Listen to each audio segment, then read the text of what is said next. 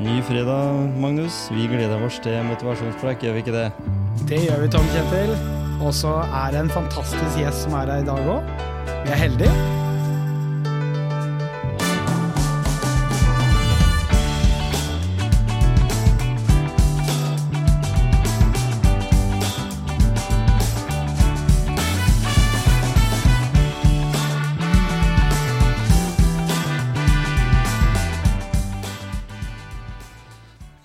Kommet fram til en ny episode i Motivasjonspreik. Og i dag så har vi fått besøk av eh, Geir Jørgen Bekkevold. Må ta med mellomnavn nå, Geir. Ja, ja. Ja. Han eh, har en lang erfaring fra Stortinget. Opprinnelig oppvokst i Horten, leste jeg. Det stemmer. Ja. Det er, eh, det er eh, fødebyen. Ja. eh, Og hvor jeg hadde min glade barndom. Ja. Hva var det som gjorde at du kom til Skien? Det, litt tilfeldig. Det var fordi jeg var i ferd med å avslutte den tida i Forsvaret. Mm. Jeg var på utkikk etter jobb, og så var det noen som tipset meg om at det var ledig stilling som menighetsprest i Gjerpen. Ja. Og Gjerpen, det hørtes greit ut, så Ja. jeg søkte og var så heldig å få jobben. ja. Så derfor så kom jeg hit 1. mai eh, 1992. 1992. Og på den tida der så Ja, du, du har jo vært feltprest. Det var jo i, i militæret, antagelig. Ja da. Du var feltprest både på Sessvollmoen og Jørstadmoen. Ja, ikke sant? Og så kan jeg lese at du har vært kapellan, men det som jeg kanskje husker deg mest som, sånn eh, før du gikk inn i lokalpolitikken, det var at du hadde, var sogneprest. Ja, jeg var mm. sogneprest i Borgestad eh, fra 2005 mm. til 2009. Ja. Eh, Men i 2007 så ble det en liten endring, fordi da ble jeg, da, da ble jeg gruppeleder for KrF i Skien bystyre. Mhm. Eh, Og ble frikjøpt i 50 Ja.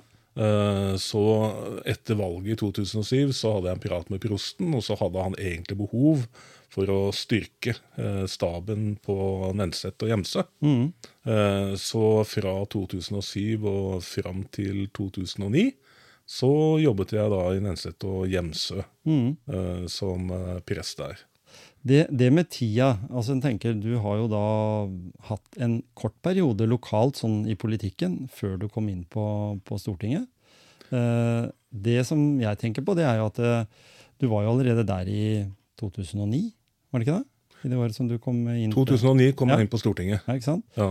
For et parti da som kanskje i manges eh, øyne burde vært større, men, men som, som er forholdsvis liten. Så det er en god innsats å, å komme seg inn på tinget Ja etter så få år, da. Eh, I 2009 så, så mm, Det holdt veldig hardt, altså. Ja, ja. Uh, og det var utrolig mye fram og tilbake med fintellinger. Og det var egentlig en, gjort en regnefeil også. Ja. fordi at etter, altså når valgnatten var over, så, uh, så var jeg jo ikke kommet inn. Nei? Da var det, da var det, en, da var det en Frp-er som eh, hadde den plassen. De kom inn med to. Men så var det en regnefeil borti Rogaland, eh, som man oppdaget etter hvert. Eh, for i Rogaland så kom KrF inn med to. Ja. Eh, men når de oppdaga det og begynte å regne på det, så så de at dette er jo helt feil. Eh, så KrF fikk heller mandat i Telemark, og Frp fikk da bare inn én. Eh, og i Rogaland så fikk eh, Frp det mandatet, eh, og KrF kom bare inn med én der. ja, ja. Og dette her sånn, det fikk ikke jeg greie på før onsdag ettermiddag. Da hadde jeg brukt hele tirsdagen på sånne taperintervjuer med ja. media. Nei, det gikk ikke denne gangen, men jeg har et godt liv her i Skien, og vi skal se framover. Mhm. Men så fikk jeg en telefon på onsdag ettermiddag at du er inne, Bekkevold. Mhm. det var veldig rart. Ja, det vil jeg tro. Ja, det var helt, eh, helt merkelig. Og da, har, da blei det jo tolv år. Da ble det Det var jo år. noen sånne usikkerheter Ja da. hele veien. eh, I 2013 så var det noe, noe mer sikkert. Eh, Men i 2017, da, eh, og da hadde man mye fintellinger også. Ja. Uh, og uh, da pusta jeg egentlig ikke ut før uh, fredag denne uka. Nei, ikke sant? For det var inn og ut og inn og ut. Og nei, så var først fredagen denne uka. altså Det er jo valg da på søndag og mandag. Og først på fredag så kunne jeg liksom senke skuldrene. Ja. Så det har vært noen sånne altså, Men, men det, må, det må jo på en måte ha vært eh, viktig for deg, det. da. Altså en kamp, hvis du tenker da, Tar du det over i idretten, da, så tenker du at eh, er du en toppolitiker, så er du en toppidrettsutøver. hvis Du, ser, du setter deg i samme båsen, egentlig. Eh, så kommer du inn da til Stortinget, du treffer mange andre på nasjonalt nivå. Eh, men i bunn og grunn så er du egentlig en lokalpolitiker, Ja. sånn i, i utgangspunktet. ja da.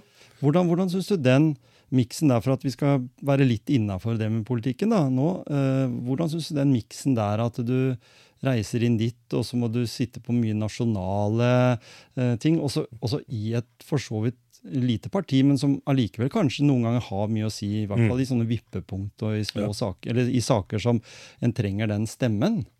Altså Aller først så må jeg jo si at jeg syns det har vært et privilegium eh, å både uh, ha ti år bak meg som lokalpolitiker, eh, og jeg satt jo også en periode som fylkespolitiker. Men ikke minst de tolv årene på Stortinget. Jeg syns det har vært privile- privilegium å ha fått lov til å være med, og forhåpentligvis også kanskje utgjort en liten forskjell. da. Eh, og det å sitte da på Stortinget den første perioden, da hadde vi jo en, da hadde vi et rød-grønt flertall. Eh, og når du har en flertallsregjering, eh, da er det eh, Da er ikke handlingsrommet for opposisjonen veldig høy. Nei. Eh, og vi irriterte oss veldig over at vi ble lytta veldig lite til. Uh, og det kan nok hende at eh, regjeringspartiene på Stortinget også var litt frustrert, fordi at uh, det meste blei jo avgjort uh, i departementene. Eh, men eh, i en sånn periode så var det viktig for oss at vi fikk mulighet til å synliggjøre politikken. Mm. synliggjøre våre løsninger. Eh, og, og eh, så, så men, men du får ikke så veldig mye gjennomslag. Eh, da syns jeg nå kanskje mm, perioden 2013 til 2017 var langt mer spennende. Mm. fordi da fikk vi et regjeringsskifte. Eh, vi fikk en regjering bestående av eh, Høyre og Frp. Og så hadde Venstre og KrF. Eh, vi hadde jo vippemakten på Stortinget. Mm. Mm. og eh, da handlet det om å, eh, å gjøre det vi kunne for å dra politikken mot sentrum. Ja, ikke sant? Eh, og vi fikk jo mye gjennomslag der. Eh, og, og eh, det som var litt sånn eh, slitsomt i den perioden, det var jo at eh, vi måtte alltid være sikre på at vi ble enige med Venstre. Eh, For sånn er det. Ja. For at Venstre kunne danne flertall med de to regjeringspartiene hvis de ville det. Mm. Uh, og det kunne vi for så vidt også, Ja. vi var like store. Uh, men det var veldig viktig den gangen at Venstre og KrF var godt samsnakka. Mm. Når vi f.eks. skulle gjøre opp budsjettet med den blå-blå regjeringen. Mm. Eh, og det syns jeg egentlig fungerte ganske bra. Uh, det, det var ikke alt vi var like enige om, men, uh, men det var en ganske sånn motiverende periode å sitte Mm. på Stortinget og ha den å ha den muligheten til virkelig å kunne påvirke. da. Mm. Ble det litt sånn konkurransenerver da, når du skulle i et møte som du på en måte kunne Du vet jo det at Venstre er jo et parti som har lang, lang historie. KrF også, for så vidt. Eller i hvert fall den måten partiet er på. Dette med at vi har kristendommen som på en måte en litt drivkraft i Norge. da. Ja. Men Venstre er jo et veldig gammelt parti. Det er det eldste partiet. Ikke sant? Ja. Og de hadde jo ikke, var ikke så store, men de hadde vel kanskje det som var starten på Miljøpartiet De Grønne. og sånn, At de hadde fokuset på det grønne liksom Mm. Ja. lenge før Ja noen tenkte på For da fabrikkpipene sto og pøsa ut forurensning, men de begynte å ha fokus på sånne ting som var kanskje veldig tidlig. Ja, Venstre var langt, uh, langt framme i skoen Ja, eh, når det gjaldt eh, klima- og miljøpolitikk. Mm. Eh, og det er helt klart at de merka nok også konkurransen med MDG, eh, Miljøpartiet. Mm. Ja. Eh, så de kunne ikke på en måte lene seg tilbake og, eh, og slappe av. og Der måtte de være progressive. Mm. Eh, og det visste jo for så vidt vi også, at Ja. her må vi sørge for at Venstre får noe seire. Mm. Og så hadde hadde vi eh, våre, våre, vårt fokus, og vi hadde jo også et fokus på klima og miljø, selvfølgelig. Mm. Eh, men vi hadde andre ting altså, som var viktige for oss. Familiepolitikken, f.eks. Mm. Ved å få til gode endringer der. Eh, og da eh, var det jo viktig at Venstre eh, støttet oss på det. Mm. Fordi hvis vi ikke hadde fått støtte hos Venstre, så kunne jo regjeringspartiene, altså Høyre og Frp, liksom bare heve seg over det. Og, eh, For da ville ikke det vært flertall. Men sånn, sånn jobbet vi i den perioden. Eh, og det var utrolig spennende. Gruppemøtene var jo utrolig spennende. ikke sant? Eh, Vi sitter og diskuterer og kommer fram til enighet i vår partigruppe. Eh, Og så er spenningsmomentet får vi Venstre med oss på dette. Eh, Gjør vi det, da har vi gode kort på hånda når vi skal forhandle med regjeringen. Og vi fikk, vi fikk eh, mye bra gjennomslag også på familiepolitikken. altså. Vi fikk jo heva eh, kontantstøtten, vi fikk hevet eh, barnetrygden. Den, altså, den hadde jo stått stille i 20 år Ikke sant? Og hadde mista veldig mye av sin verdi. Eh, men den fikk vi hevet. Mm.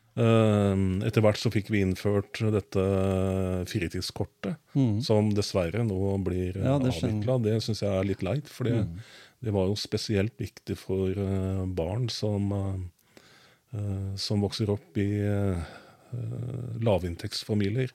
Og det burde jo være veldig viktig nå, i den situasjonen vi er nå. Viktig. Veldig viktig. Mm. Um, så uh, ble jo situasjonen litt annerledes igjen i 2017, for da valgte Venstre å gå inn i regjering. Uh, men like fullt så hadde vi da en uh, mindretallsregjering. Fordi at etter 2017 så hadde ikke de tre partiene flertall. Nei. Uh, og da fikk jo vi en uh, veldig uh, viktig posisjon i Stortinget, selv om vi hadde gjort tidenes dårligste valg den gangen. Uh, vi var vel inne med 80 representanter. Uh, og mange irriterte seg nok over at dette lille partiet at de skal stytte og ha så mye makt. Uh, Å få ministerposter og ja, det kom, sånne ting, det kom, et, det kom Ja. etter hvert. Men, men det, var jo, det var jo ikke helt uten dramatikk, det som skjedde i forhold til KrF, og, og som på en Nei. måte trakk seg litt ut. Lederen var det, Altså, det var mye Ja, uro i en periode. noen, vi hadde noen interne uh, prosesser i partiet. For det er klart, etter det uh, dårlige valget vi gjorde i 2017 Vi kom så vidt over sperregrensa.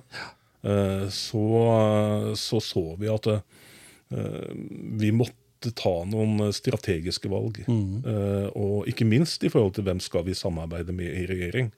Og da, da vi hadde denne veivalgsdebatten i partiet det er høsten 2018, eh, og dette ekstraordinære landsmøtet i november 2018 det var, det var, Der var det elektrisk stemning. Altså, for vi Ja. visste at her kan det gå begge veier. Mm. Um, og jeg var jo veldig tydelig i min støtte til Knut Arild Hareide Mm. om at vi burde søke samarbeid mot sentrum-venstre. Ja. Uh, som det da ville betydd Senterpartiet og Arbeiderpartiet. Mm. Mens uh, de to nestlederne uh, de uh, ville det annerledes. De ville ta oss inn i en regjering med Frp. Mm. For de mente at selv om det er politisk avstand, så skal vi alltids klare å bli enige med også Frp Mm. om politikken fra dag til dag. Uh, og de vant jo fram til slutt da, med et knepen flertall. Uh, og partiet var nok uh, Det var en ganske dyp splittelse i partiet. Men nå er dette snøen som falt Ja, i fjor. ikke sant? Og, og hvis jeg ser tilbake på akkurat den høsten der sånn, det var jo andre ting som også prega min hverdag. Eh, valgte jo å vie to kvinner eh, som eh, vakte stor oppmerksomhet og forargelse i, i mitt eget parti. Så det var liksom flere ting som, eh, som eh, jeg måtte forholde meg til den høsten der. Eh, men, men hvis jeg ser tilbake nå, og særlig på det med veivalgsdebatten, eh, med alle disse ekstraordinære fylkesårsmøtene som partiet hadde, Mm. for åpen mikrofon, åpen kamera Det var en demokratiopplæring vi egentlig drev med. Ja, ja. Og, og folk satt jo og fulgte med på disse fylkesårsmøtene. Det var helt utrolig. Altså, Fra fylkesårsmøtet tidligere, hvor du, aldri, du ser kanskje én journalist som er der fordi eh, det er jobben hans, så var det liksom presseombud på presseombud. Eh, som fulgte med på alle disse debattene. Eh, og Så du kan si det er vel sjelden at noen partier velger å ha så åpne prosesser. rundt et sånt viktig veivalg som Ja, det vi gjorde. Men, det, men allikevel, da, når en tenker sånn Det har jo vært uh, mye fokus, og det er jo det fortsatt, men mye fokus på hvor du står i forhold til debatten med, med homofile Mm. og sant, seksuell legning osv. Ja. Eh, og, og når du sier det at du da ikke har hatt problemer med å vie eh, to av samme kjønn, da, så, så tenker jeg at det er jo Nå er det vel 50 år i år som det var, liksom, har vært lov Ja. å komme ut av skapet. Og det var vel Mm. kanskje Det var jo det mange i media også tenkte, og jeg husker det sjøl òg. Snart det eneste KrF trenger. For jeg ga min stemme til dere. Jeg kjenner jo en av kollegaene dine, Hans Mm. Edvard, Ja. godt også fra, fra før, og, og syns det var mye verdi. Spesielt da når vi hadde barn. Mm. Det var sånn, Dere hadde en veldig god sånn familiepolitikk. Ja. Eh, Jeg syns alltid det har vært greit for å ha barna mine til å døpe seg, konfirmere seg, og så kunne de sjøl velge om de ville gifte seg i kirken Mm. eller ikke. Men, men de har liksom tenkt at de tradisjonene der, de har lyst til å holde i hevd. Mm. Eh, For det er jo en del av vår tusen år historie. Eh, Men eh, når vi tenker da på hvordan situasjonen har blitt i forhold til det, så var det vel noen som gikk i systemet eller media og venta på at det skulle være en eller annen som var høyt rangert som politiker og kommer ut av skapet. Så de kunne få følge opp en sånn type Trond Giske-sak. For det, Ja, ja, ja. en ser jo det at eh, media i dag er mye mer eh, terriere. eh, Ja da, og mye mer fram- Ja, personfokuserte. Ikke sant? Eh, og det merker man eh, som politiker. at Mm. En ting er at du representerer et parti, men, men uh, gjør du et eller annet, så er det deg og din person som ofte blir eh, fokus på. Mm, og sånn opplevde jeg jo høsten 2018, at det ble mye fokus på, på enkeltpersoner. Ja. Men, men, men sånn har, den, den endringen den har gått over tid. Eh, og da handler det om å takle det på en god måte. Mm. Og jeg ble jo overraska. Det var vel kommunevalget i 2019, var det ikke det? Jo. Eh, og jeg ble faktisk overraska over at eh, sentrale eh, partiledere og, og statsråder Mm. reiste rundt lokalt med partiet sitt. Ja. Det er jo ikke den de gir stemmen til når Nei. det er i kommunevalg. Det er jo Men man har vel en idé da om at eh, jo, med partilederen eh, Ja. kommer partilederen. ja, Da har vi et trekkplaster. ja, ikke sant? Eh, Da får vi fokus. Da Mm. får vi medieoppmerksomhet. Ja. Eh, Og sånn eh, tenker nok mange lokalpolitikere. Mm. Eh, Men samtidig, så når det er lokalvalg, så må sentrale politikere passe på at vi går i veien Mm. for de lokale. Eh, Og stjeler på en måte oppmerksomheten fra de. Mm. Eh, For det er utrolig viktig for de som driver lokale valgkamper, at Mm. de får komme til orde. Eh, At de får mulighet til å fortelle hva de ønsker å satse på de neste Mm. fire årene. Mm. For det er det som betyr noe for oss som bor her lokalt. Ja, Hva, hva, hva, vil de, hva vil de prioritere? Mm.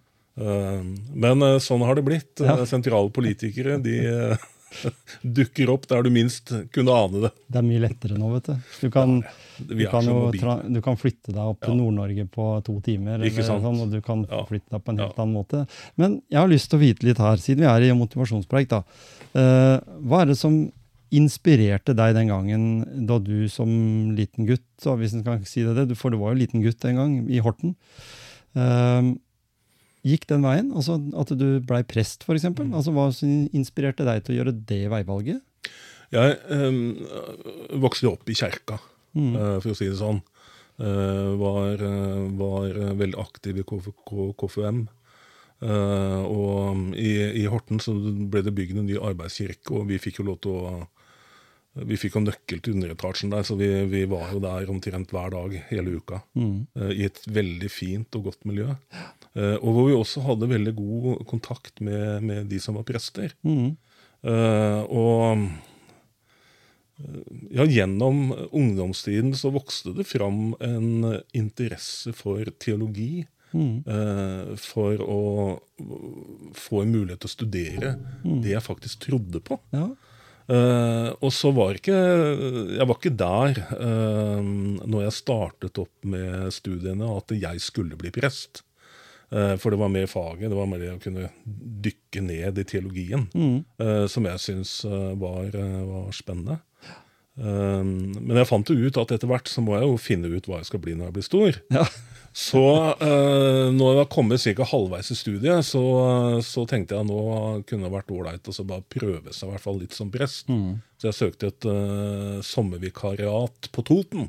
Ja. Eh, og kom liksom inn i folkekirka med stor F, altså. Eh, og ble tatt imot på en fin måte og opplevde den tjenesten som veldig verdifull. Eh, så etter den sommeren så bestemte jeg meg for å fullføre teologien og også ta praktikum med tanke på å bli prest. Så, um, men det var nok ifra uh, ungdomstida mi at det vokste fram et ønske. Gode samtaler med de prestene vi hadde der. eh, som gjorde at eh, interessen for, eh, for eh, teologien og faget eh, ble vakt. For du tenker at de var litt sånn mentorer på en måte for deg? Ja, De- spesielt han ene, eh, som vi hadde som ungdomsprest og konfirmantprest. Mm. eh, og som også var veldig sånn tilgjengelig. Mm. Eh, var ofte med oss på klubben når vi hadde møte, var med oss og kom når vi hadde tensingøvelser. Var liksom i miljøet. Mm. Lett å snakke med. Eh, så jeg spurte rett ut, både han og, og eh, en annen prest som også jobbet der, om hva de tenkte om at jeg drev og snuste på om jeg skulle begynne å studere teologi. Og fikk veldig sånn god feedback på det. da. Eh, Så det var, det var inngangen min. Ja. Så de, de var viktige som motivatorer. Ja, ikke sant? Det var de. Vi hadde allerede, eller det har vi hatt i mange år, altså, altså det å være prest, den tittelen tar du med deg hele livet. Ja. Eh, eh, men, og vi vet jo sånn som Bjørn Eidsvåg, eksempel, som har dratt veldig nytte av det å Mm. være en musikalsk uh, syngende prest. Mm. Eh, og mange andre også som har stått fram og, og liksom rocka litt i kirken, da, Mm. hvis en kan si det på den måten. Jeg har jo snappa opp eh, som forberedelse til dette her at det var flere unge her som var lei seg når du dro til Stortinget, fordi du syntes at du var en sånn kul prest. Var, det, var, det, var det sånn eh, at du hadde på en måte det fra den lærdommen du fikk med han andre, altså han kule presten som du vokste opp med? Ja, da? altså du får jo noen sånne rollemodeller og tenker at eh, men, men, men først og fremst, det jeg lærte av han, det var at eh, det er viktig at du er deg selv. Mm. eh, og ikke forestiller deg noe, eller, eh, eller er noe annet enn det du egentlig er. Mm. Eh, det var nok eh, det viktigste, for det var han fullt og helt. Ja. Og og sånn, har- sånn har jeg liksom tenkt når jeg startet som prest, at ok, jeg har mine styrker, jeg har mine svakheter. Eh, det viktigste det er at eh, de jeg skal gjøre en tjeneste for, eh, blir kjent med meg, mm. eh, sånn som jeg er. Uh, og, og jeg har ikke gjort uh, noe forsøk på å være veldig kul. Uh, jeg har tre barn. Ja. Tre jenter, og jeg tror jeg ville ha blitt avslørt veldig fort Ja. hvis jeg hadde tillagt meg noen sånne kule sider. Men, men ikke sant, jeg, jeg startet jo Ja, som prest ganske ung. Mm. Og, og jeg husker første gang jeg skulle på et, eh, eh, på et aldershjem og holde andakt. Da trodde de ikke at det var presten som var kommet. Jeg hadde glemt å ta på meg den skjorta med snipp. Ja, ja. Så jeg så jo ut som en eh, tenåring. Og nei, så etter det så måtte jeg ha på meg presteskjorte, bare så at de i hvert fall kunne se at det var presten som kom. At uniformen var på plass? Ja, Det som Tanken min rundt det å være kul, da, det var jo at eh, du lytta til de yngre. da, eh, At de visste at de fikk kontakt. Fordi veldig mange hadde jo erfaring med eh, prester som på en måte var høyt heva over. For det har jo vært litt sånn, Mm. kall det hierarki mellom presteskap og, og Ja. befolkningen før. da, At den tok på seg litt, noen tok vel på seg den litt den derre gamle høytidelige. høytidelige prestesaken. Og så- Og så hadde vi jo på en måte på 80-tallet mye humor relatert til presteskapet, ikke sant? med KLM og alle disse her. Og ja, du ler av det. Ja, jo, jeg men det, jeg syns jo at det, det, var ikke ufortjent. Nei, for det satte jo en del sånne ting Ja, det gjorde det. ting det. Eh, Og jeg har jo ledd mye av eh, noen av Nå, nå i, nyere tid så er det jo han der eh, Stoltenberg som Ja. har hatt en parodi på Ikke en sant? prest, ikke sant? Mm -hmm.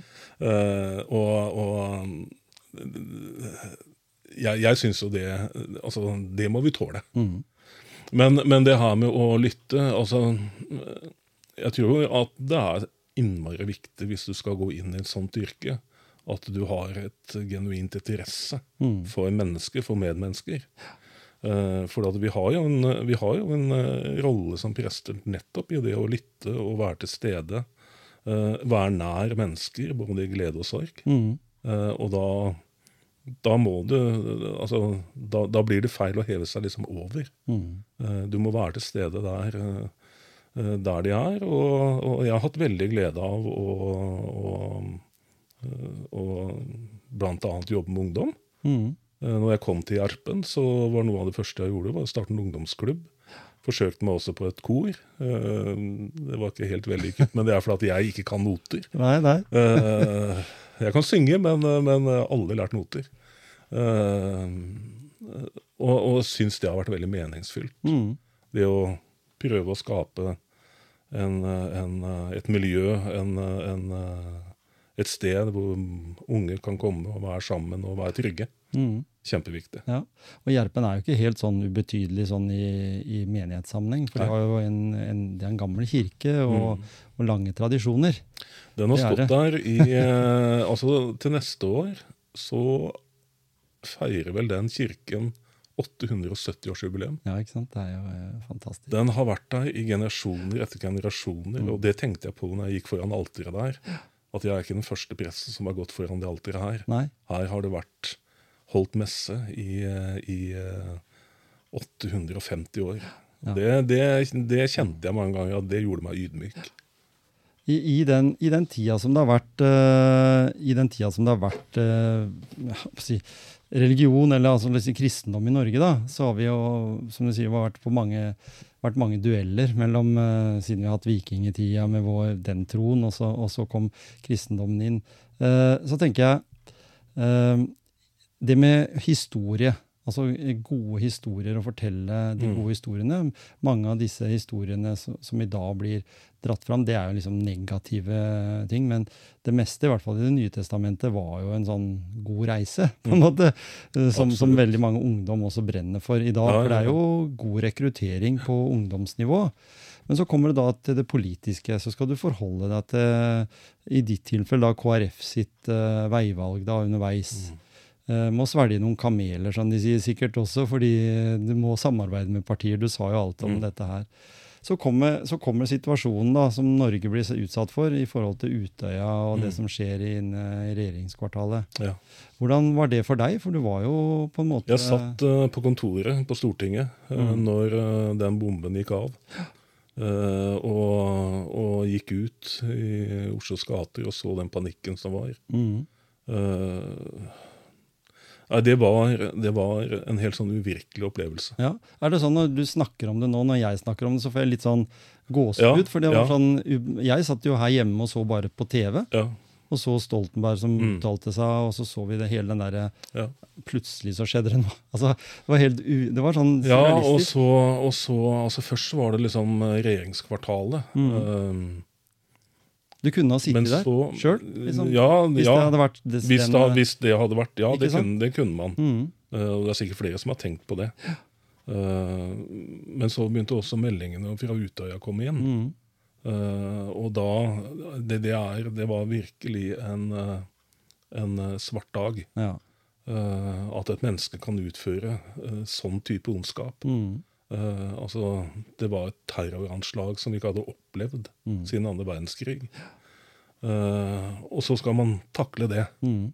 Og, og det, ja, for det jeg tenkte på, du, du var jo på en måte prest. mm. Uh, hadde jo gått inn i sånne sorgroller og, og, og hadde jo utdannelse rundt det. Var det sånn at du måtte trå til litt da? Være litt prest?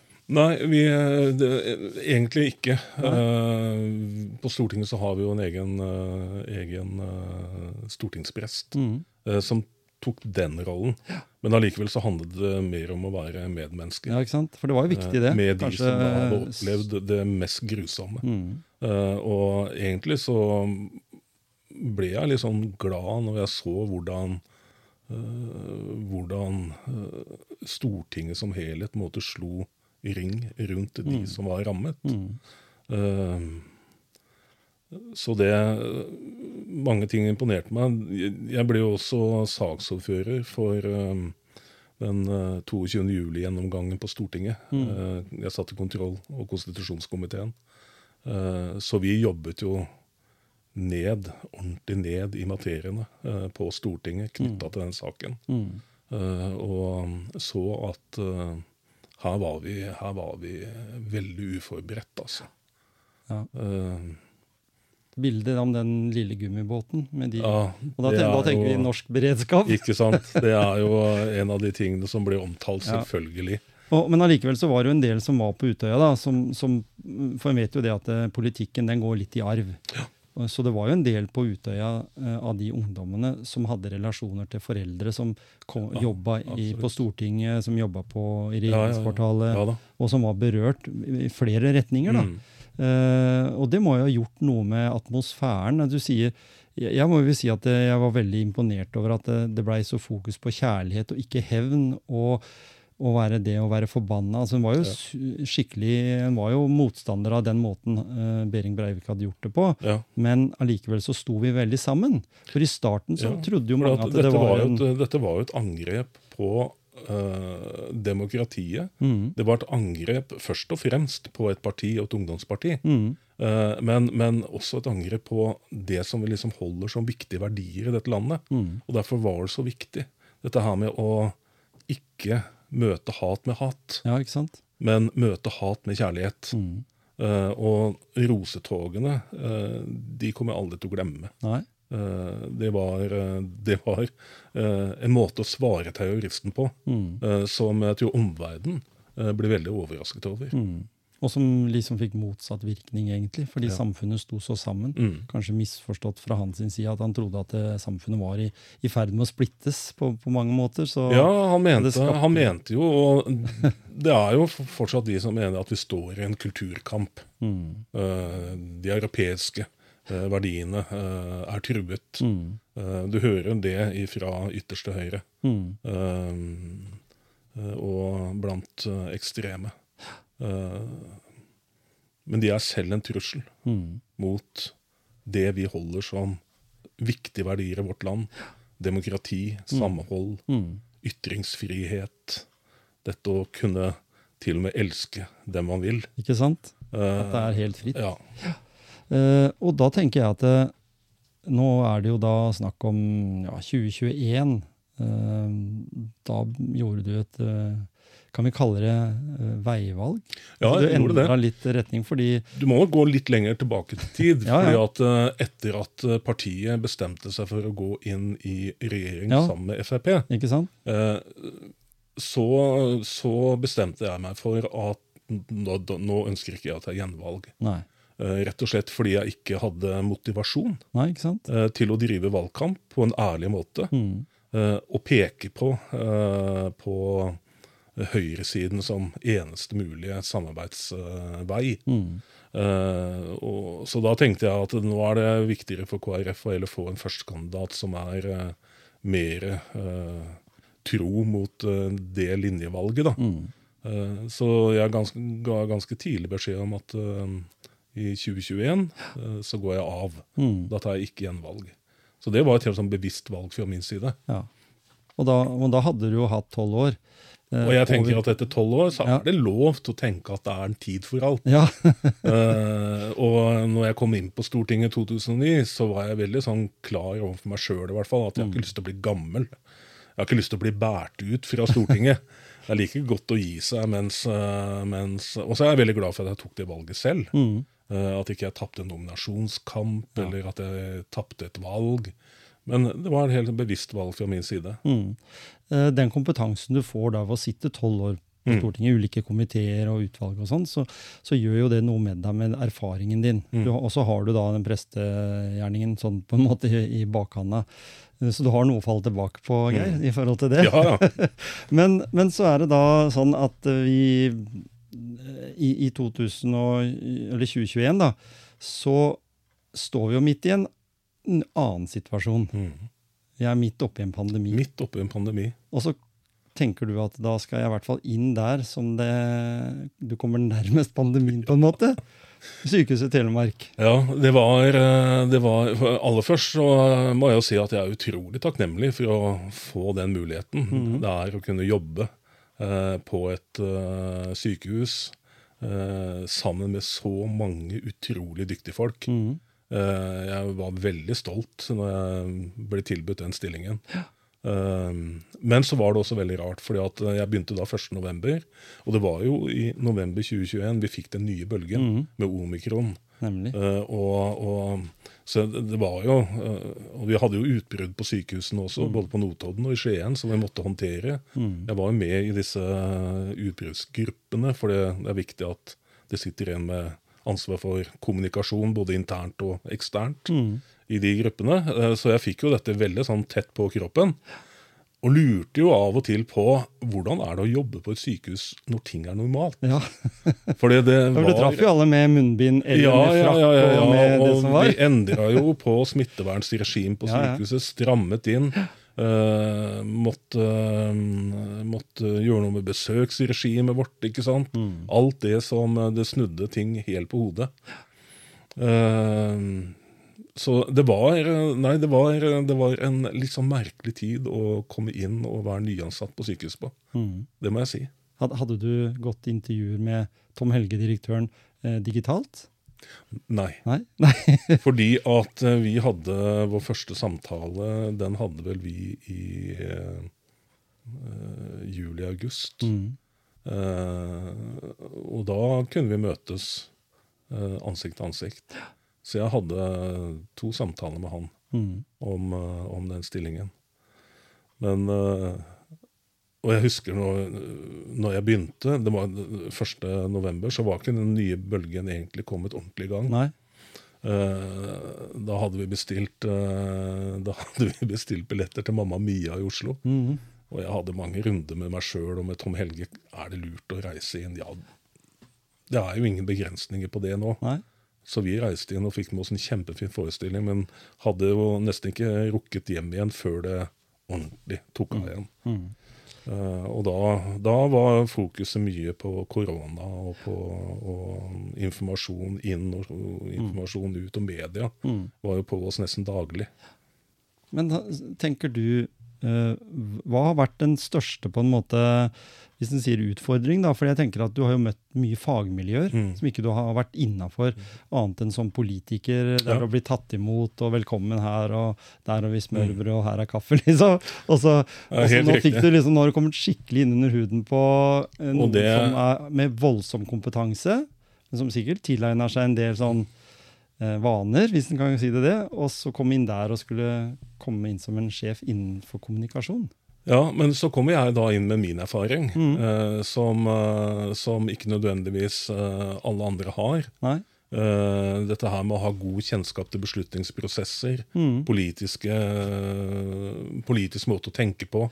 Eh, ofte så tenker man at ja, kan vi ikke bare gjøre det sånn? Mm. Uh, men så er det ikke alltid at man kan gjøre det sånn, fordi du må også spørre hva er det politisk mulig å få til. Mm. Uh, så jeg føler nok at jeg har en kompetanse som det er brukt for Mm. på sykehuset, men samtidig så, så er det klart at jeg var jo leder av helse- og omsorgskomiteen på Stortinget de to siste årene. Og, og ja, vi var Vi hadde mye møter og Men det blir allikevel at du ser det litt fra utsiden. Det å komme inn og se hvordan et helseforetak faktisk fungerer. Mm. Hvordan det er bygd opp. Alle de systemene som du skal kunne lære deg. Mm. Eh, jeg har jo av og til fleipa litt med eh, når liksom jeg må gjøre, eh, gjøre det og gjøre det, og finne ut av alt, alle disse uh, IT-løsninger og sånne ting. Da pleide jeg å spøke og si at på Stortinget så hadde jeg folk til sånt. Ja. Nå må jeg gjøre det sjøl!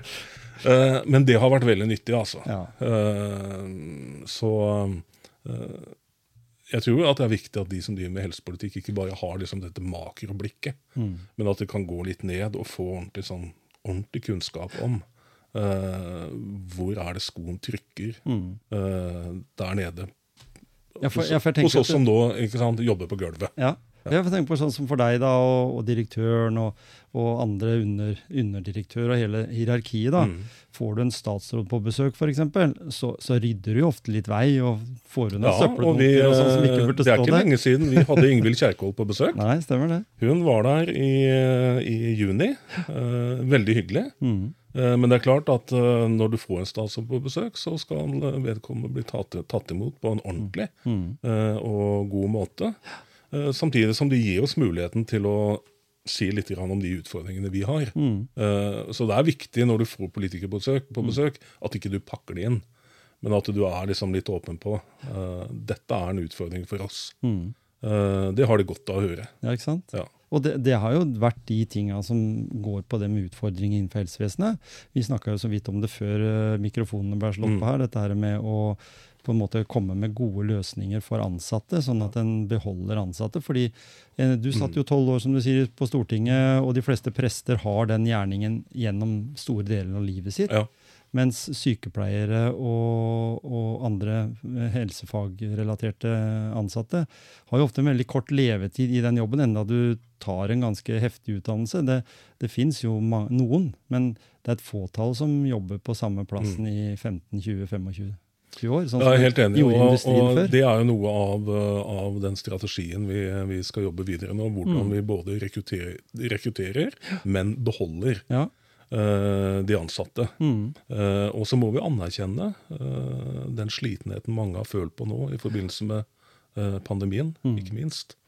Hvor det har vært mye ekstra Mm. på alle. Det må vi anerkjenne. Mm. Og så må vi sørge for at vi har en bemanning som gjør at folk kan ha et liv ved siden av jobben òg. Ja.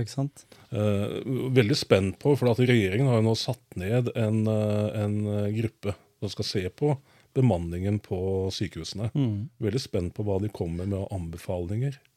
Uh, men uh, men uh, uh, dette, dette, er ikke noe, dette er ikke spesielt for Sykehuset Telemark. Nei, det er jo generelt. Dette er generelt, Mm. dette her med å kunne rekruttere Mm. og beholde. Og da må vi være en attraktiv arbeidsplass. Mm. Eh, og uh, da handler det også om å være lyttende ikke sant? Mm. til de som jobber der. Og jeg opplever vel at vi har en veldig sånn god relasjon til tillitsvalgte. Eh, så eh, du må på en måte eh, ikke miste fokuset når du jobber på et sykehus. Fordi at Som sagt, vi er ikke det eneste sykehuset, vi hører det også, men vi har også kommuner rundt oss Mm. som driver med primærhelsetjeneste, som opplever mye av det samme som det vi gjør.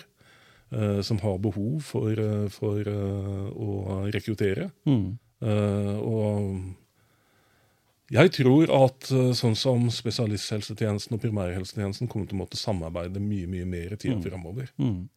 Det har du sikkert sett eller vært involvert i når du har vært på Stortinget, men det er jo enkelte land som har ganske sånn gode samarbeidsløsninger mellom det som vi kaller her, da, stat og kommune. Eh, Jeg husker jeg studerte litt rundt det, sånn som Australia, New Zealand. De har noen sånne løsninger der. Mm. Mange av tjenestene mye tidligere går fra spesialhelsetjenesten over i det kommunale. Ja. Og at det blir settes inn mer ressurser fra myndighetene i det. da. Og det som er viktig da, det er jo at spes- spesialisthelsetjenesten eh, er gode på det her med, å, med kompetansebygging ute i kommunene.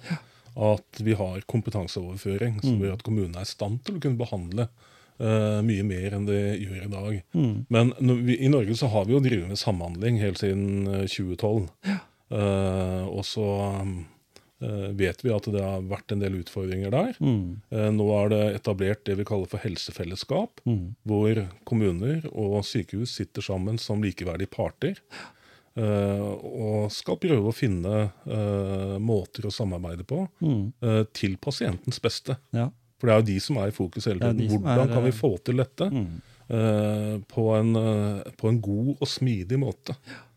Og Da er det viktig at uh, disse to nivåene snakker godt med hverandre. Nemlig. Og det er det vi jobber med nå i de helsefellesskapene. Mm. Mm. Det er klart at noen de syns at det har med arbeidsforhold, det har med lønn, det er mange sånne faktorer. Jeg må jo si det at når jeg begynte å jobbe på sykehuset i 2019 sjøl, så leste jeg meg opp på historien. For jeg er jo av den oppfatninga at eh, med litt historisk forankring, så, er så på en måte gir det deg liksom, Du får det litt mer inn i hjertet, da. Mm. Eh, og det er klart at eh, Sykehuset Telemark, der det ligger i dag, eh, har jo liksom helt ifra Bratsberg-tiden et eh, sykehus. Og for de som da lytter her, og som har en tilknytning til sykehuset, gå en tur over på andre sida av veien. Det er ikke bare ned, folk eh, eh, som sliter der nede. Gå ned til bygg 10 Ja, og les det blå skiltet som står der. ikke sant? For nå er vi liksom tilbake på 1700-tallet. Ja, Ja. eh, hvor det har vært 100 år drevet eh, sykehus og, og Og så ser vi tidsperiodene. Så har vi det rosa bygga, og så har vi, ja. har vi dagens eh, bygg. Og så kommer du da inn i det her med at her burde jo det vært satsa mange milliarder kroner i ombygging av ventilasjonsanlegg og nye, moderne rom og alt. Men det skal sies at nå er det jo i ferd med å komme et strålesenter. Det er helt Og fantastisk. det er jo, tenk bra det er for Telemark og for alle som bor her, å slippe all den reisinga Ja, eh, fordi at eh, vi vet jo at en del av eh, våre kreftpasienter Noen av dem takker nei til stråling fordi at de orker ikke den lange reiseveien Nei. inn til Oslo eller, eller andre steder. Så det at vi nå får et strålesenter i Skien, det er, eh, det er et løft for vår kreftomsorg. Mm. Uh, og mm, ble jo det vedtaket ble jo gjort for en del år siden, men, Mm. uh, men uh, forhåpentligvis så Pengene kom vel i fjor? Var det ikke noe? Pengene ble bevilget av Stortinget i fjor. Ja. Men det er ikke bare kreftsenter, men vi skal også bygge et nytt sengebygg. Mm. For det er det behov for. Det er som du sier, det er, det er gamle lokaler. Mm. Slitne lokaler. eh, Og så skal vi også bygge et helt nytt akuttmottak. Mm. Eh, Så det er spennende ting som skjer på Veldig. sykehusene nå. Veldig. eh, Og som forhåpentligvis gjør arbeidshverdagen bedre for de som jobber der. Og at pasientene opplever at de blir ivaretatt på en god måte. Og der er jo, som du sier, der er jo strålesenteret helt vesentlig at vi får på plass. En vet jo at kreft har jo vært en, en, en diagnose som på en måte har vokst litt. Det har den. Både fordi en kanskje vet mer nå, en har Ja, bedre spesialister Så har vi fått disse pakkeforløpene. Eh, Som, eh, og der gjør eh, Sykehuset Telemark det veldig bra. Mm. Eh, også, men vi har mangla det strålesenteret. Eh, men det kommer nå. Mm. Og det Det blir bra. Så de som, de som teller på knappene og, og vil være med på den her eh, sykepleierflukten, eller hva man skal kalle det, de må være litt tålmodige nå. Ja, der kan du få det. kjempespennende jobber. Ja. Jeg så har jo sett tegningene, og jeg ser hvordan en tenker. I, I dag så er jo transport én måte å si det på. Vi, vi, vi er tross alt to timer fra Oslo fortsatt. Mm. Eh, Ti minutter pluss minus, Mm. på en måte. Men slipper den trafikken og det Mm. alt det. Eh, så er det allikevel eh, avstander fra Fyresdal og Tuddal og andre steder i Telemark og ned til Skien også. Mm. Men allikevel så, så fins det jo syke mennesker i den delen. Så det. veien blir jo mye Absolutt. kortere. Eh, og så tenker jeg at du får også en, eh, en evne til f.eks. mer dagtilbud. Altså Mm. det, du kan sitte i en god stol og få det, istedenfor å ligge på en sykeseng. Det er mange andre Dette blir eh, topp moderne Så det blir og, og tilrettelagt på en Mm. veldig god måte for de som har behov for den type behandling. Så nei, jeg ser veldig fram til det, og jeg er helt enig med deg. Jeg håper at eh, de som teller på knappene, om de skal fortsette, eller at de viser litt tålmodighet. Mm. Ja, for at dette kan bli spennende, dette Ja. kan bli bra. det bli Eh, og det gjør at Sykehuset Telemark blir en, eh, veldig, eh, et, en veldig spennende arbeidsplass. Mm.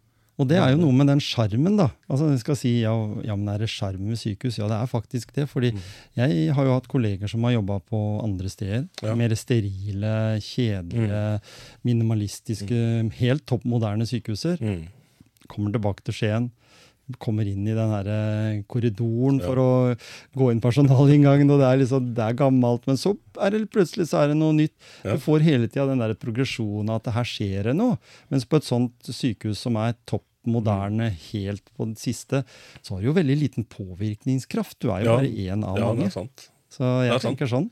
Uh, jeg er ikke helt sikker på om alle syns det er like sjarmerende i alle disse korridorene. men, men, men sykehuset har absolutt sin sjarm. Ja.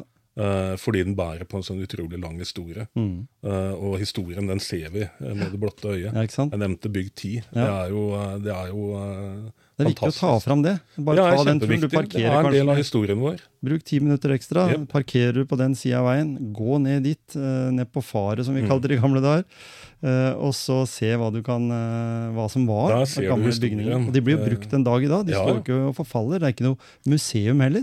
Det er det det ikke er. Og så Mm. Bygg 10, som er liksom det, sånn, det gamle, gamle, gamle sykehuset. Der er det jo kontorlokaler i dag. Ja, ikke sant? Uh, Det er vel noen forbunder og de som, som er der, tror jeg. ja, det, er- det er mulig. Mm. Eh, Jeg har eh, veldig lyst til å spille en video for deg. Mm. Eh, fordi jeg tenker at eh, Vi er jo i en eh, verden da en gjør valg. Vi snakka akkurat om det med det og hvordan du jobber. Mm. Skal vi se om teknologien fungerer.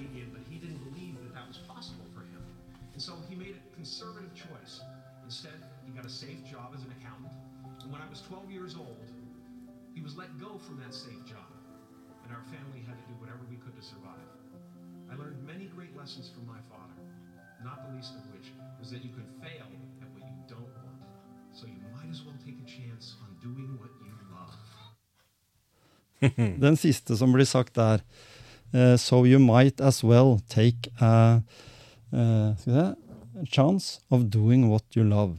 Mm. Det, det går litt på det der med å gjøre valg i livet. da. Mm. Nå har jo du valgt å, å jobbe i helsevesenet, hvis vi kan kalle det det. På, uh, tenker du at uh, det er viktig for folk der ute? Så, siden vi er som, litt med, som en motivasjon, gjøre de riktige valga? Ja, øh, og få muligheten til det. For Norge er jo et land der det er mulig. Ja, ja, Norge er eh, virkelig et sånt sted der hvor, eh, hvor, hvor øh, Det er ikke lommeboka som, eh, som ofte hindrer deg i å kunne lykkes. Altså, vi har et gratis helsevesen, vi har et gratis skolevesen. Her har folk en mulighet. Mm. Så sier ikke jeg at det er mangel på hindringer.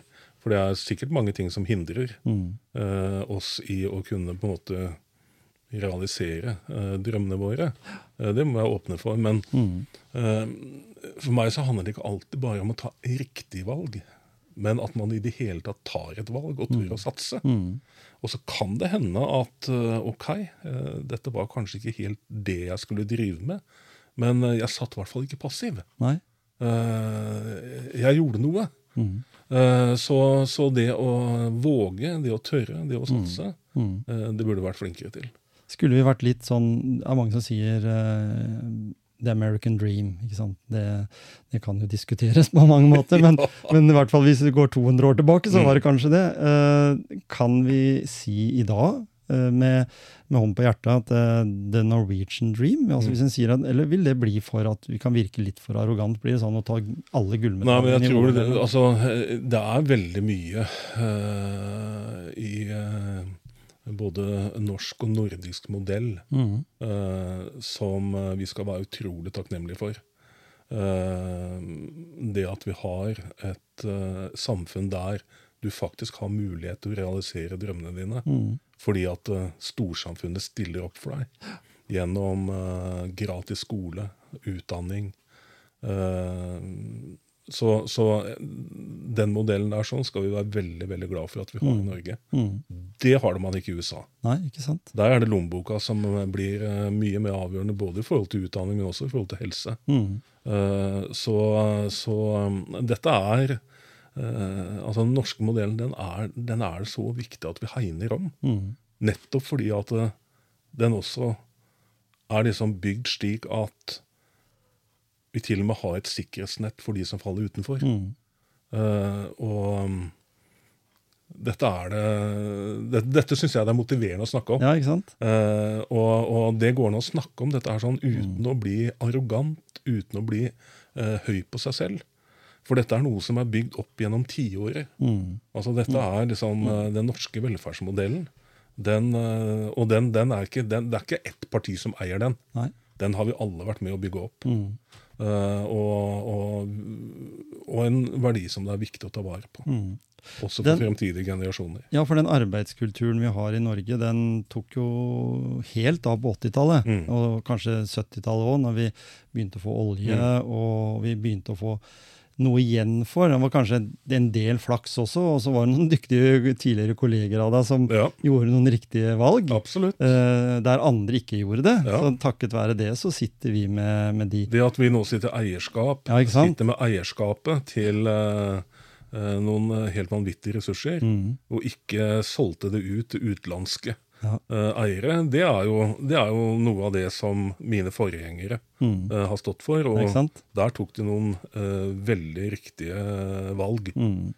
som Norge nyter godt av i dag. Og som har skapt det velferdssamfunnet vi har i dag. Ja. Men nå sitter jo du nå da i en helt annen jobb. Du sitter de politiske uttalelsene dine nå, de er helt sånn som jeg har i, rett over spisebordet Mm. og, og i uh, ulike sammenhenger sosialt. Yes. Uh, du kan si akkurat hva du vil, og du Det kan mene akkurat hva du vil. Er det ikke deilig? Jo, det som jeg, det, det som jeg syns er litt deilig, det er at jeg, jeg behøver ikke være så forbasket politisk korrekt Nei, hele tiden. nei ikke sant? Uh, og det syns jeg er litt deilig.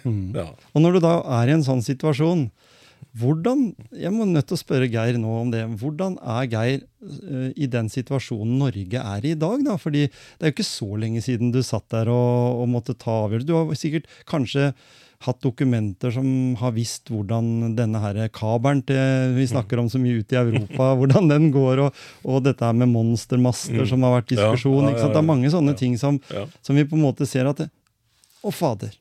Er det sånn det var? Mm. Nei, hvorfor sa vi nei til det, da? Ja, ja. Og, Ja og, og, og nå, er da, nå er du da i en situasjon der du også, som jeg og alle andre, kjenner det litt på lommeboka. Mm. At priser går opp. Mm. Eh, du har sikkert også, som, som meg, da, for du er jo ikke så mange år eldre enn meg, eh, opplevd Jeg hadde, husker vi hadde 14% rente i Landsbanken ja, når vi Ja. kjøpte leilighet. Ja. Men den kosta jo bare en halv million nå, Mm. Mens nå koster jo den leiligheten tre Ja. millioner. Og så kan det si at forholdet har blitt litt annerledes. Men, men også når alle følte at nå endelig så kan vi ta av oss munnbindet og begynne å leve normalt igjen, så kommer den der som, som jeg pleier å si, for ikke å si noen stygge ord, som julekvelden på kjerringa. Det var sånn bang, det slo ned som en bombe. Mm. Følte alle, eh, som på grasrotnivå i hvert fall. Mm. Men som jeg vil tro at det var en del tidligere kolleger av deg som vel kanskje visste nyansen av det med tilpasninger til Europa osv. Ja. Hvordan er ditt syn på det i dag? Altså, det er jo litt sånn for Ja, lyttere ja, det første jeg vil si, det er, det er helt klart at når du har sittet og tatt beslutninger over mange år, sånn som jeg har gjort, mm -hmm. uh, og, og kommer ut, uh, så, så Det må man være ærlig på, at uh, av og til så møter du deg sjøl litt i døra. Mm -hmm. eh, og det, det Men akkurat dette med strømkablene til utlandet Husk på at det ligger Vi, vi er ikke en øy for oss selv. Nei, ikke sant? Uh, vi, vi, er i, uh, vi er en del av det europeiske mm -hmm. uh, fellesskapet. Eh, og og eh, denne diskusjonen rundt de strømkablene, og det er jo en diskusjon om hvor mye de egentlig spiller inn Ja. på det prisnivået vi har i dag. Mm. Uh, og om det var riktig eller ikke riktig. Uh, For, Det er- for, for det er vel det at vi deler godene. det er jo Vi det, og det, det, ligger, strøm, og det ligger jo en sånn solidaritet i bånn her også, da. Mm. Mm. Uh, men som vi også nyter godt av i perioder hvor vi ikke eh, kan uh, har, har nok eh, produksjon her. Eh, men at de diskusjonene kommer, det skjønner jeg veldig godt. Eh, og vi kommer til å få nye runder når det gjelder alternative strømkilder. Nye runder med vindmøller til både havs og lands. Ja.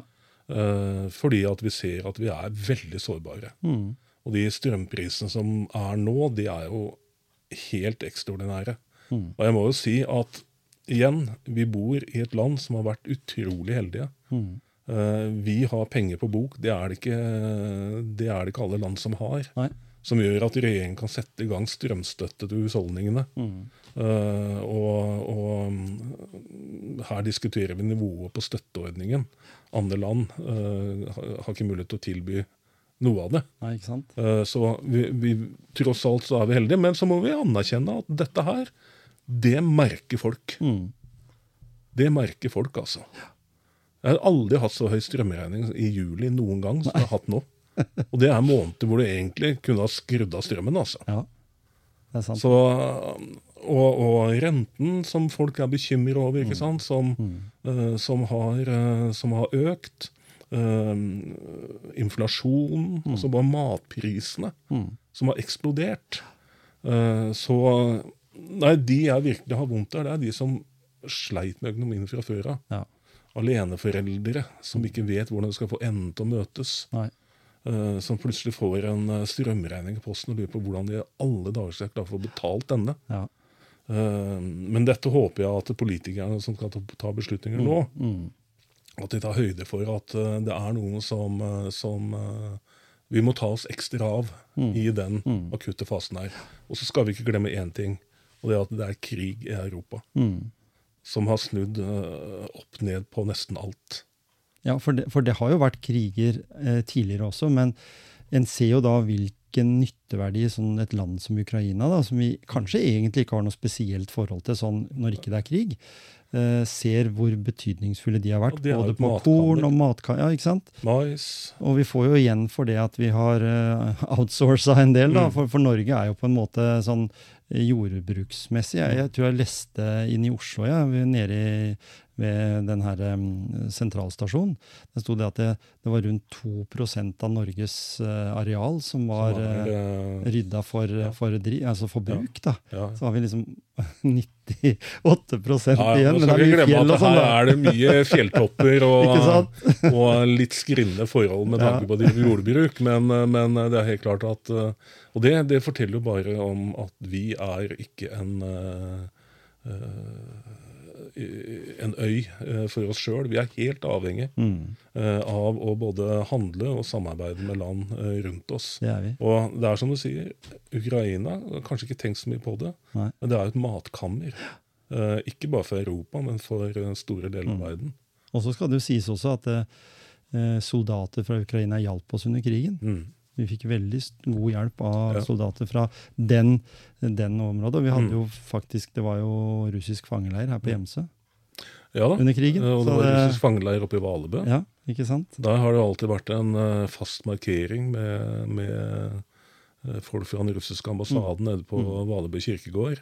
Hvert eneste år. Nå ble ikke det noe av denne gangen, men eh, nei, det, det, har, det har det vært. Så hvis en tenker på den derre Det er vel naturlig at vi kan gi litt tilbake når vi kan det, da. Ja, det har, syns jeg eh, absolutt. Og, på og jeg så at senest i dag så nå kommer det 134 nye flyktninger fra Ukraina. Mm. Eh, Jeg håper vi tar godt imot de.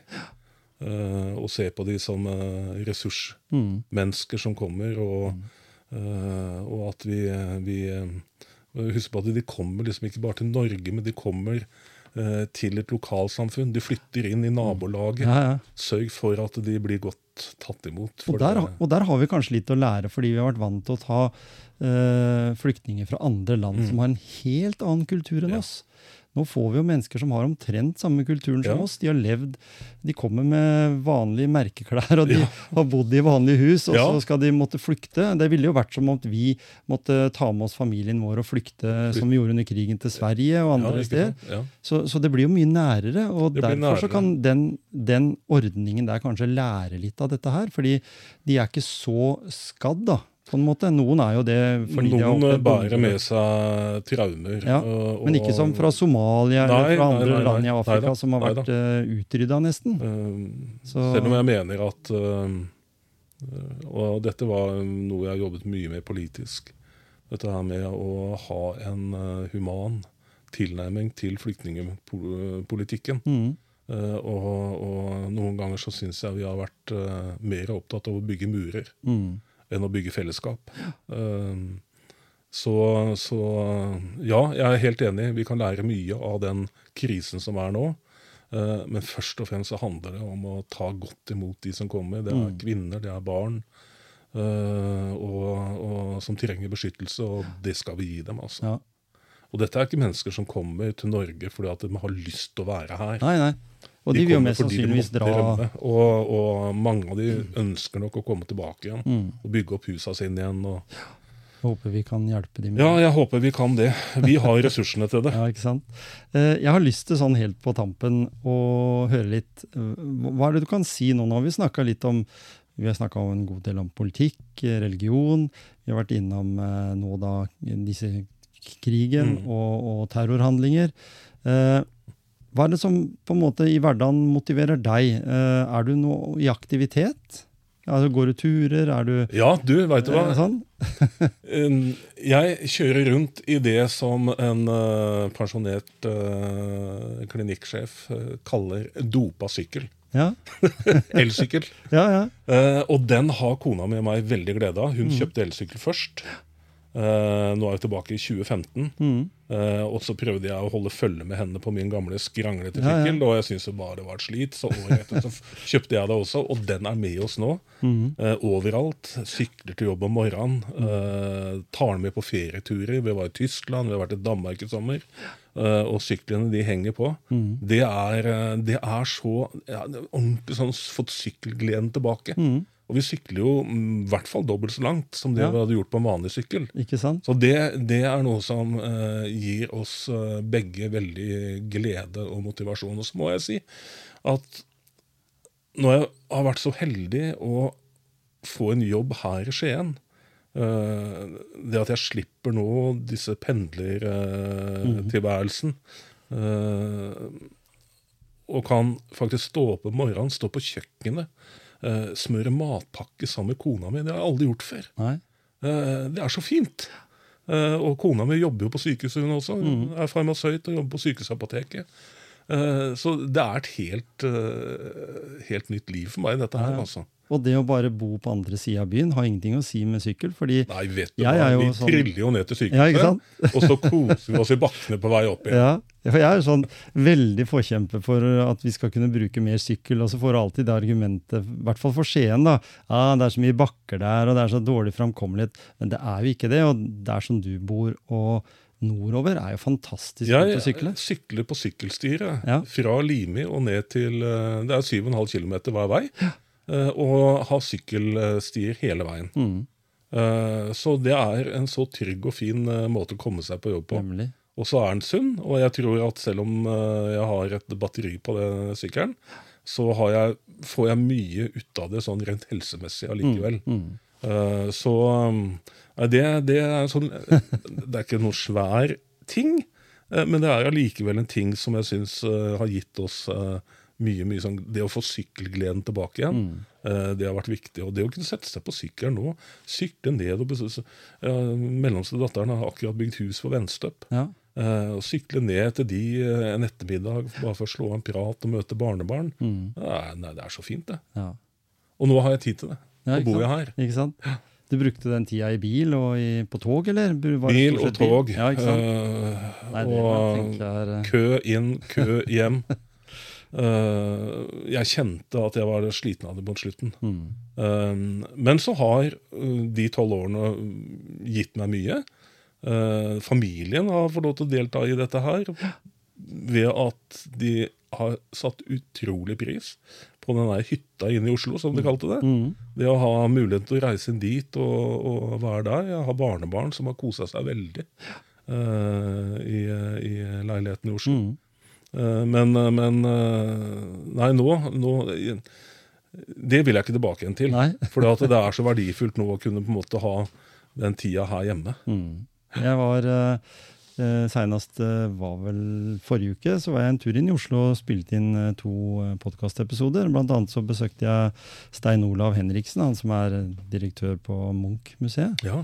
Eh, og da fikk jeg jo i hvert fall se hvor flott det Oslo blir, altså Norges hovedstad. Det er sånn at du. Selv om du kommer fra Skien, så er du ganske stolt av den. Ja, ja, ja, ja. Var i tolvte eh, etasje på Munch-museet og så ut fra det møterommet utover Ja, og hele den bydelen, Ja, hvordan den har utvikla seg. Mm. Eh, Det er mye Nei, selvfølgelig. altså Oslo er jo en spennende by. Ja. Uh, og, og jeg har jo en datter som bor der inne. Uh, så det er jo ikke sånn at eh, jeg har forlatt Oslo for å ikke vende tilbake igjen. Og da kommer du jo dit som Men nå, turist, Men det, nå kommer jeg dit som turist. Og um, jeg husker den siste sommeren, det var sommeren 21. Da bestemte kona mi og meg for å bruke en hel uke uh, i å være i den eh, pendlerleiligheten. da. Mm. Bare sånn for å ordentlig kjenne litt på Oslo.